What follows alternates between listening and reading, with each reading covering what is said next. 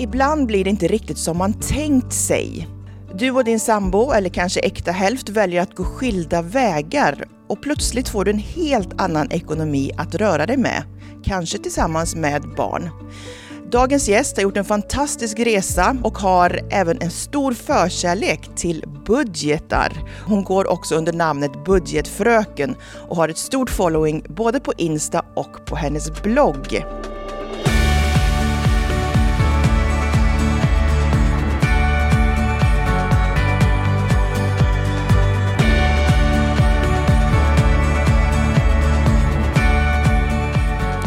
Varmt välkommen till Shoppa Lagom, Karin Lundin, budgetfröken. För de som inte känner till dig, kan du berätta lite om dig själv? Ja, eh, precis som du sa, Karin heter jag. Eh, jag eh, bor i ett hus på landet med mitt barn. Jag arbetar som lärare. Eh, och sen på fritiden, förutom en massa andra saker jag gör på fritiden, så driver jag Instagramkontot Budgetfröken. Ja. Mm. Hur kom det sig att du startade det? Jo, men jag skulle säga att det är nog, kan det vara två år sedan ganska precis, så eh, kände jag ett, eh, ett behov av en förändring i, i liksom mitt eh, vad ska jag säga, privatekonomiska liv, ska, skulle jag kunna säga. Så att då jag började liksom, ja, följa många ekonomikonton och liksom kände liksom, ja, jag fick så energi från andra ekonomikonton på Instagram då i första hand. Eh, men så kände jag att det var så himla stort fokus på att spara jättemycket pengar, investera pengar, det var aktiemarknad och det var liksom ja, i, i, min, i mina öron och ögon så var det en ganska hård, hård liksom, eh, värld och lite främmande värld. Så då kände jag att nej, men jag vill bara ha något så där jag vill få koll på min vardagsekonomi. Eh, och jag tyckte att det saknades sådana konton, så då startade jag det här kontot. Ja. Vad var det som hände för två år sedan? Då? Vad var det som fick dig att eh, börja fundera över din egen privatekonomi? Efter att ha haft några år där jag eh, tyckte att pengarna rann genom, bara mellan fingrarna sådär, så kände jag att nej, men så här kan inte jag hålla på. Att bara pengarna kom och pengarna försvann och jag hade ingen koll på det. Och så började jag känna liksom så här, jag började bli äldre och jag borde ta bättre ansvar och jag fick lite så här, alla andra verkar kunna spara, varför kan inte jag spara några pengar? Och här är jag ensamstående mamma, jag borde ju liksom skärpa till mig. jag borde bättre koll än så här. Um, och då, ja, men jag landade i nog att men, men varför vill jag ha en förändring? Och så insåg jag att nej, men jag vill få en stabilare ekonomi för mig själv och mitt, mitt barn. Att liksom känna mm. att vi hade en tryggare bas att utgå ifrån. Vi klarade oss jättebra, det var inte det, men det var så där att det var liksom på håret i slutet av månaden. Ja. Mm. När du hade gått igenom all, all de här kontona du tittade på, du fick mm. lite inspiration och du kom fram till att budget, det är din eh, grej. Hur gjorde du från första början? kollegieblock, penna och ett stort suddgum. Det var verkligen så det var. Eh, och det här började jag med när jag pluggade, för jag omskolade mig eh, på lite äldre dagar, höll jag på att säga, nej, 30 plus. Eh, och fick liksom hela min ekonomi förändrades i och med det. Och där och då behövde jag verkligen så få koll på att pengarna skulle räcka månaden ut. Så redan då eh, började jag skriva upp, ja, men det var ju så här CSN in, ganska lite pengar var ju det och sen var det ganska mycket pengar som skulle ut. Så, så började jag då. Men sen så blev det någonstans att när jag började jobba sen heltid och pengarna liksom rullade in, då la jag undan det där. Då, då behövde inte jag min budget längre tyckte jag. Ehm, men sen då för två år sedan som sagt var så plockade jag fram det där kollegieblocket igen och liksom plockade upp tråden mm. därifrån. Och du delar ju med dig av massa bra budgetmallar på din blogg bland mm. annat då. Men egentligen, det behöver inte vara svårare än papper, penna och ett sudd Nej. eventuellt. Och jag brukar verkligen tipsa eh, men, människor om att eh, du behöver inte ha någon skrivare, du behöver inte skriva ut mina budgetmallar eller du behöver inte ha någon liksom Excel-mall i din dator utan papper och penna. Och så skriv in vad som ska in, och, eller vad som kommer in och vad som ska ut. Och mm. Det är en jättebra början. Mm. Mm. Men om vi backar bandet lite. Jag har ju kollat eh, din blogg och, och, läst den och sådär. Du nämner att eh, i din uppväxt så hade ni alltid ont om pengar.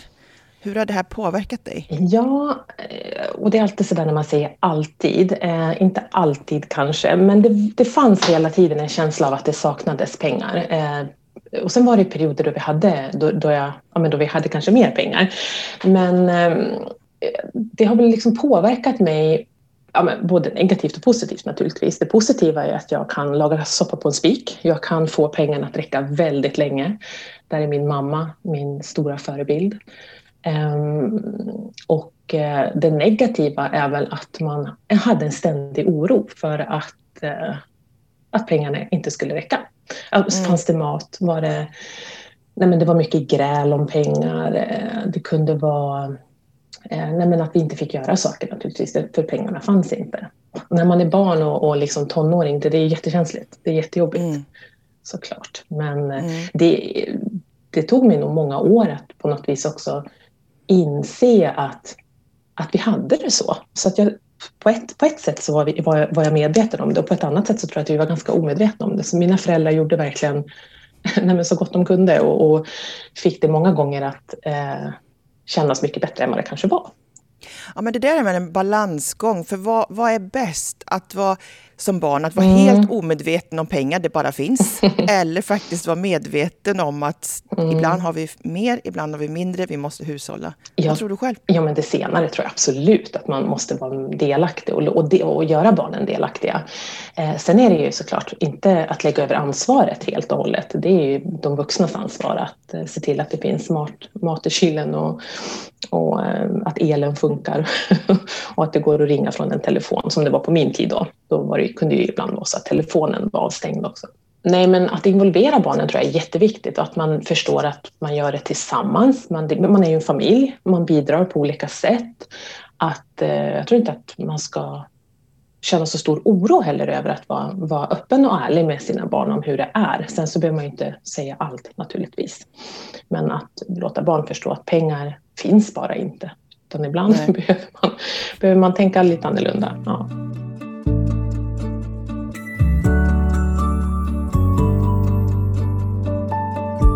Om vi hoppar lite till 2012, eh, hur förändrades ditt liv då?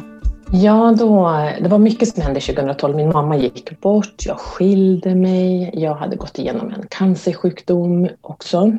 Så det, var, det var mycket som hände 2012. Eh, men framförallt så var det ju eh, att min, ja, men dels att min mamma gick bort naturligtvis, men, men också den här skilsmässan som jag gick igenom eh, ändrade mm. ju liksom de ekonomiska förutsättningarna för mig. Och då hade ni två intäkter, ja. två inkomster mm. och ett barn och gemensamt boende. Mm.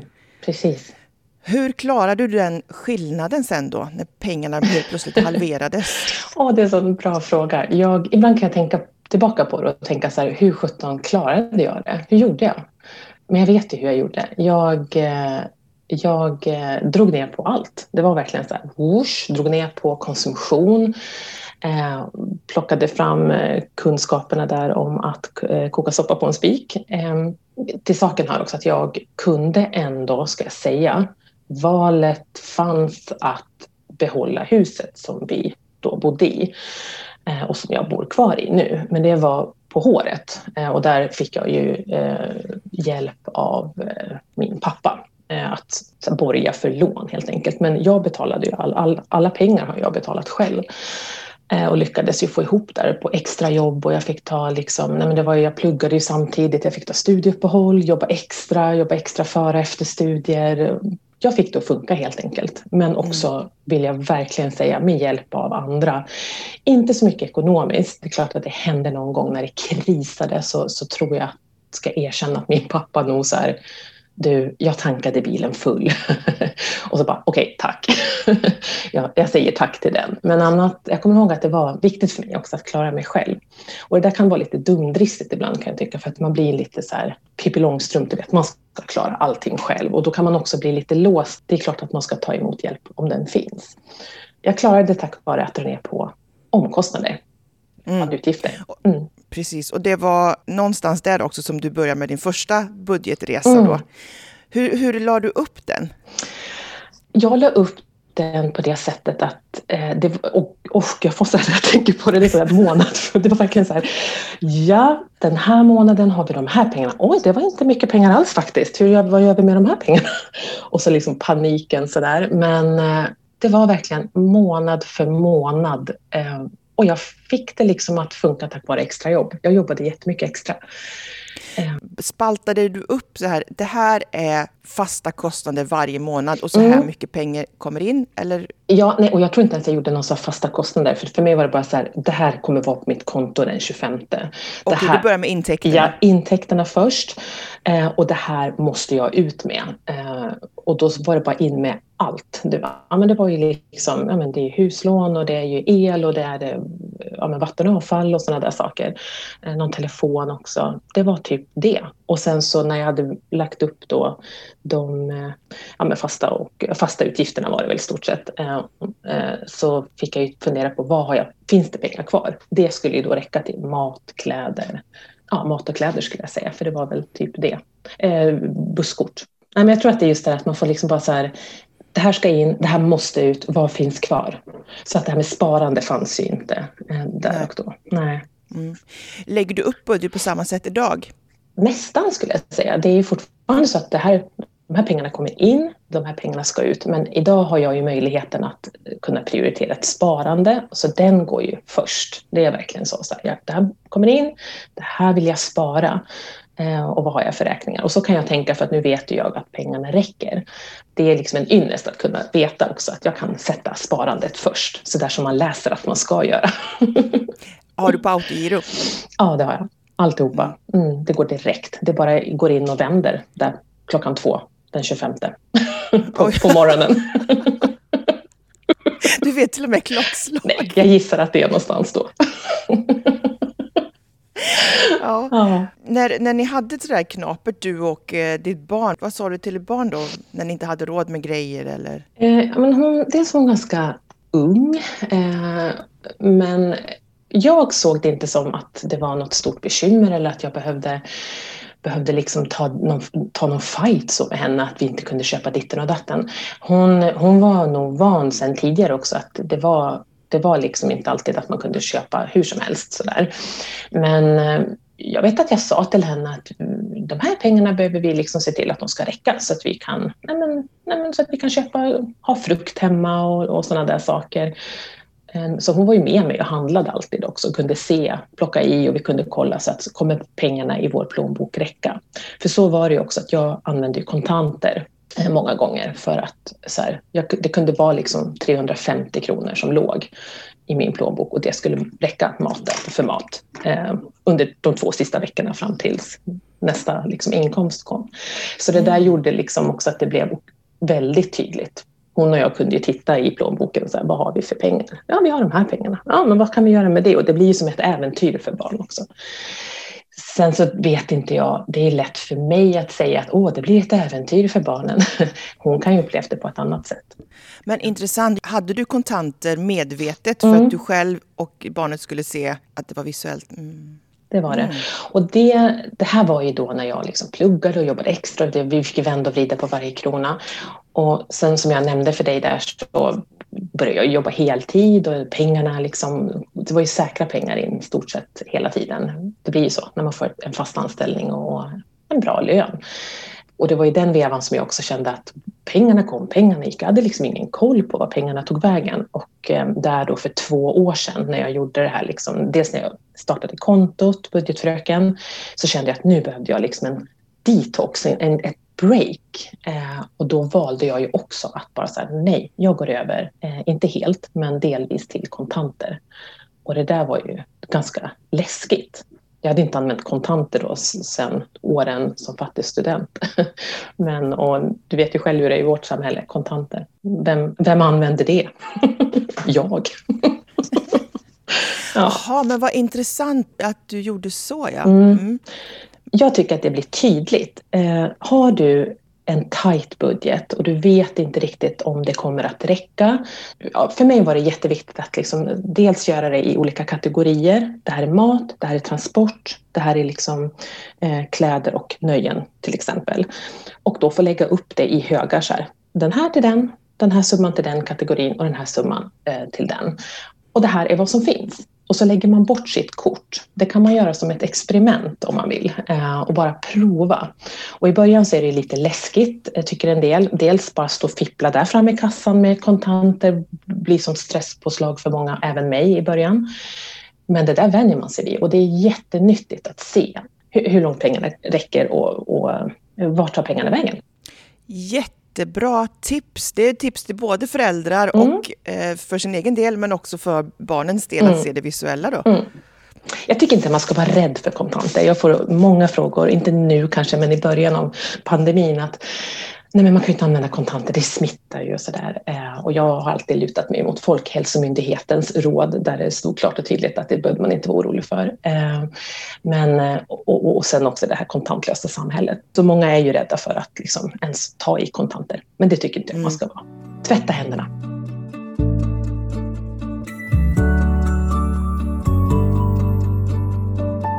Shoppa lagom så vi sysslar ungefär med samma sak eh, som du gör, det vill säga att uppmuntra folk till en sundare ekonomi mm. och framförallt ekonomiska vanor.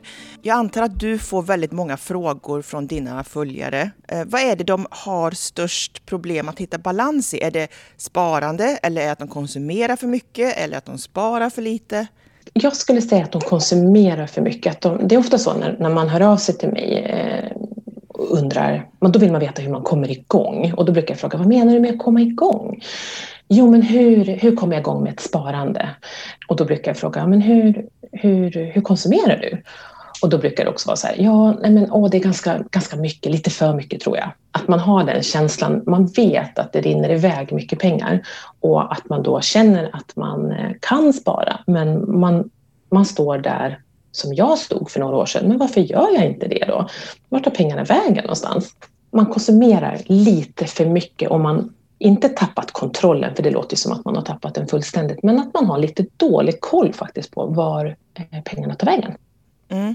Och vad säger du till dem då som första konkreta tips?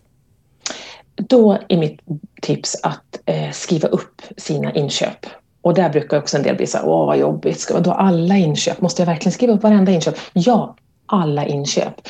Sen om du väljer att göra det i din mobil eller i, din, i ditt program i datorn. Jag är ju för papper och penna så att jag lägger fram ett kollegieblock, brukar jag säga. Papper och penna och skriv ner en chokladbit eller mathandlingen eller den där eh, kaffen på väg till jobbet, eh, tankningen, allt ska skrivas upp. Ja men, då, ja, men som en kassabok eller bara som en, du kan, det behöver inte vara snyggt på något vis, men bara att man skriver ner och att man gör det helst under tre månader, men då brukar det också bli så här, Okej, okay, gör det en månad brukar jag säga. Och det brukar de flesta klara av. Och då är det väldigt många som faktiskt hör av sig och säger att oj, oj, oj, jag trodde att vi la 4 000 på mat, men vi la 7 000. Alltså det är sådana där, och just maten brukar vara ett, en del där man tycker att ja, men vi, vår familj lägger si och så mycket. Men sen så visar det sig att det var inte alls så lite, utan det var mycket, mycket mer. Mm. Så verkligen att man skriver upp alla i sina inköp. För att man behöver ta reda på sina verkliga utgifter. Man har lite en förskönad bild tror jag av, nej men jag är ju inte av med så mycket. Men så gör man av med mycket mer än vad man tror. Mm. Och eh, om man då har ett väldigt, väldigt stort matkonto, mm. är det någonting som du tycker att är det där man ska dra ner först eller är det på något annat ställe av sina utgifter? Ja, men det, där är, maten är det Maten är det viktiga, du måste ju ha mat. Du ska ha någonstans att bo och du ska ha någonting, någonting att äta. Men maten brukar vara den posten som man kan ganska lättvindigt hitta pengar. Man kan, när man börjar titta på sina kvitton, och det är också att man tar ett kvitto och verkligen så kollar, vad har jag köpt för någonting? Och man går igenom och då kan det vara så också många gånger att de där matkvittona innehåller allt möjligt. Man kanske handlar på en stor matvarukedja där man erbjuder massa andra saker än mat. Och då handlar man, det blir lite kläder och det blev någonting till trädgården och det blev någonting till balkongen eller vad det nu är. Och sen så bara hamnar det i någon sorts matpott. Att man också börjar renodla, så här, vad är mat och vad är övriga konsumtionsartiklar? Därför så vet jag att i maten kan man hitta många eh, möjligheter till att spara. Och sen naturligtvis mm. dra ner på dyra matvaror. Du behöver inte äta så mycket kött och du behöver inte ha massa olika sorters frukt hemma och sånt där. Utan man, det finns massor av mat, handla säsongsbetonat och så vidare. Så just maten skulle jag säga. Ja. Och sen så har vi ju en annan slags pågående trend om man ska säga så. Det är ju mycket konsumtion, det är mm. mycket influencers, mm. det är mycket köp nu, betala sen. Mm. Vad eh, tycker du om sånt? Oh, jag tycker att det är, det, det är skrämmande, vill jag säga, hur många som faller för frestelsen att dela upp ditt köp, eller sina köp, att man betalar sen. Eh, och att man kanske inte förstår att det är ett lån. För jag menar alla sorters delbetalningar eller eh, betala fakturan om 30 dagar är ju ett lån. Eh, man tänker att man, nej men jag betalar ju alltid det där så det, det, det är inga, inga problem. Men jag tror att det är dels vanligt att man glömmer att betala. Sen har många företag tycker jag blivit bättre på det här med att liksom göra betalningen enklare. Det uppskattar vi jag tror att det är jättevanligt, eller bland mina följare vet jag att det är jättevanligt att man betalar, man skjuter upp, man råkar handla lite mer. Det känns inte på samma sätt när du använder Klarna är bara ett exempel. Att man, man tycker det är jättesmidigt och man handlar och man trycker på den där fakturan. Man kanske inte ens orkar gå och hämta sitt kort eller göra den där överföringen till sitt konto där man har Swish kopplat till. Då är det mycket lättare att klicka på betala sen. Vad tycker du är botemedlet för det då? ja, eh, rent drastiskt så kan jag tycka att man tar bort sig ifrån. Man, man spärrar sig helt enkelt. Vet man att det här är ett problem för mig och att jag har svårt att hantera det så spärrar man sig för sådana möjligheter till att delbetala eller eh, fakturaköp. Men eh, då vet jag att många tycker att nej men så farligt är det inte för mig utan jag är en sån som kan hantera det här. Så tänker många och det tror jag också att man, man klarar. De flesta klarar det jättebra. Men då är mitt tips att man faktiskt sätter över pengarna. Har jag handlat kläder för 450 kronor då sätter jag över de pengarna direkt på det här kontot som fakturan ska dras ifrån om 30 dagar. Så att de försvinner ifrån min plånbok eller från mitt konto. Jag ska inte kunna se de tre, vad sa jag, 450 kronorna. De måste liksom försvinna. För det är det där, mm. så länge de ligger kvar på kontot så kan man ju passa på att handla något annat för dem. Mm. Så är det, och med det här fria returer och så vidare. Ja, man handlar på. Alltså nu, man, jag tror också man tänker sig nu det är liksom under pandemin här så är det lite, man rättfärdigar ju också att man kan handla hem, man får prova i lugn och ro, man behöver inte ut bland folk. Vi ska inte ut bland folk och handla, så jag tänker, jag är verkligen för näthandel, absolut. Men det, det är, jag tycker att utvecklingen är lite skrämmande när det kommer till hur många som faktiskt väljer att skjuta fram sina betalningar och faktiskt hamnar i, i klammeri tack vare det avgifter, räntor som man inte har tänkt på. Och, och, bara en sån där grej att man inte orkar skicka tillbaka sen, man Nej, glömmer bort. man behåller det. Man tänker man kanske kan ge bort det eller, ja, eller det kanske kommer till användning. Jackan mm. sitter lite bättre nästa år, så jag behåller den. jag kommer gå ner några kilo ja, vikt snart. Då. Det blir som en morot för mig själv. Alltså, vi är jätteduktiga på att hitta sådana här små liksom, ja, vägar runt för att liksom, mm. göra det enkelt. Människan är ju lat i naturen, även jag.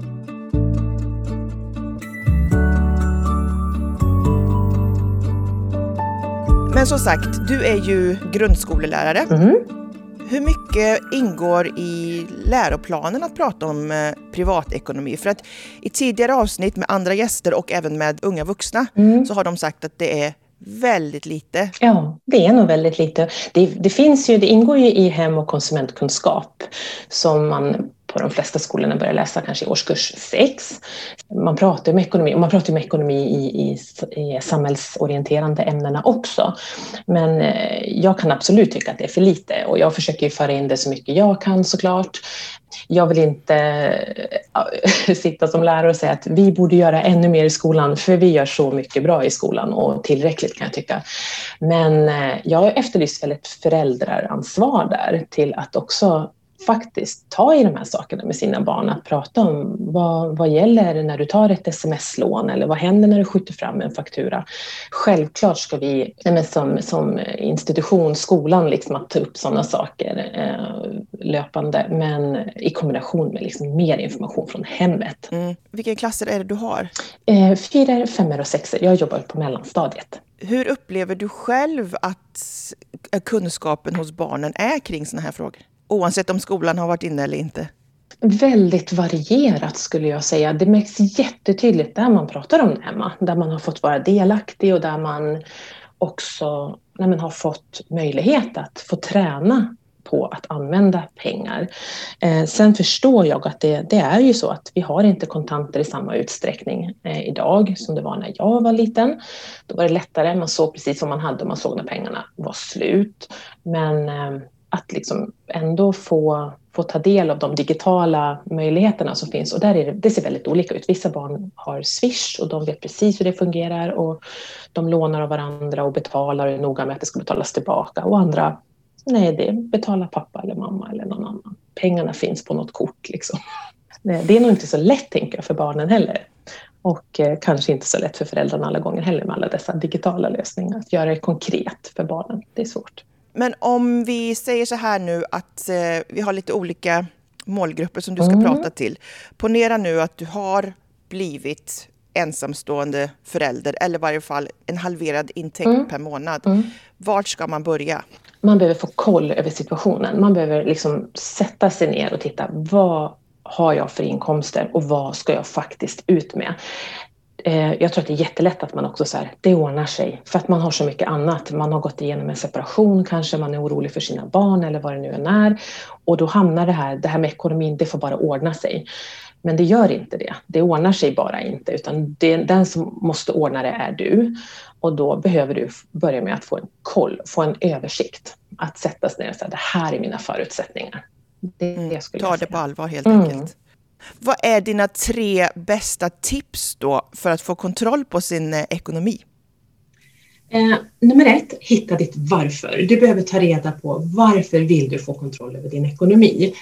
Eh, fundera på vad gör, eller vad, vad, vad gör att du liksom här och nu sitter och funderar på det är någonting som inte känns bra och jag vill få, få till en förändring. Så ditt varför, mitt varför var ju Eh, en bättre och tryggare ekonomi för mig och mitt barn. Det liksom kunde jag vara grundad i när det liksom blåste lite hårt sen. För då kunde jag hela tiden gå tillbaka till det och tänka, just det, det var ju därför. Så det är nummer ett. Två skulle jag säga är att skaffa sig en överblick också över situationen, att våga sätta sig ner och eh, titta på hur ser det ut? Hur ser min nuvarande ekonomiska situation ut? Eh, och inte så hur jag tror att den ser ut, utan hur den ser ut på riktigt. Och nummer tre då, då blir det också, eh, det går i nummer två, tänker jag att för att få liksom den här överblicken så behöver jag också ta reda på exakt vad jag gör av med.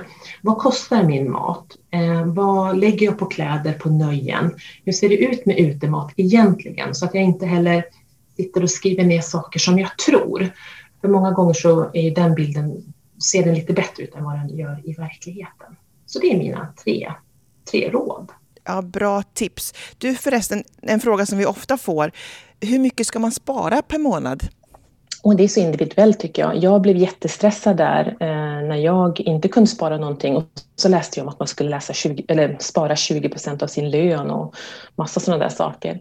Eh, jag tycker att du ska spara eh, utifrån procentuellt utifrån dina inkomster. Eh, 10 procent är väl jättebra. Du kanske inte klarar 10 procent. Då, spar du, då provar du med 5 procent tänk inte i ja, men en hundralapp här och en femhundring där, utan det måste hänga ihop med dina inkomster. Och autogiro? Autogiro, direkt. Jag ska inte sitta där den 26 och fundera, hmm, eller den 25 är det ju, undrar om jag ska spara någonting i den här månaden, utan det ska bara whoosh, iväg. mm, mycket bra. Och eh, sista frågan, vad är ditt sämsta respektive bästa köp? Ja, bra fråga. Jag tänker, de sämsta köpen är väl ändå när man har gjort såna här lite snabba och ogenomtänkta köp.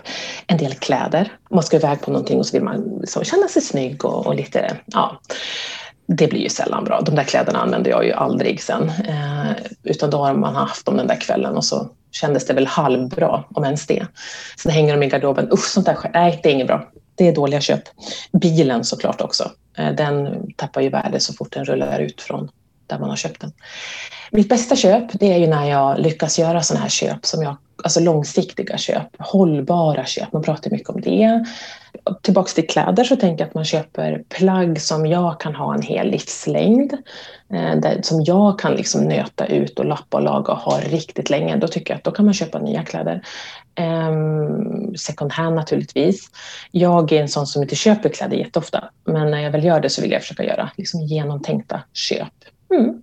Bra! Och eh, vill man ha lite inspiration och tips och följa dig, mm. då kan man gå in på Instagram. Jajamensan, där finns jag. Eh, budgetfröken. Eh, man kan gå in på Facebook också, finns jag. Och jag har en, tipsar om en grupp som heter Budgetkompisar. Så där kan man gå med om man vill prata budget med andra. Och sen så min blogg naturligtvis. Ja, och där finns det då även alla de här fantastiska budgetmallarna mm. som du har gjort så fint. Tack! Stort tack eh, Karin, det var väldigt intressant att få prata med dig. Ja. Och eh, jag önskar dig all lycka till. Ja men tack, tack för att jag fick vara med, jättekul! Och kom ihåg, shoppa lagom. Alltid! För fler tips, råd och verktyg om hur du hittar ditt lagom, besök shoppalagom.se. Shoppa lagom är ett initiativ av Alectum Group.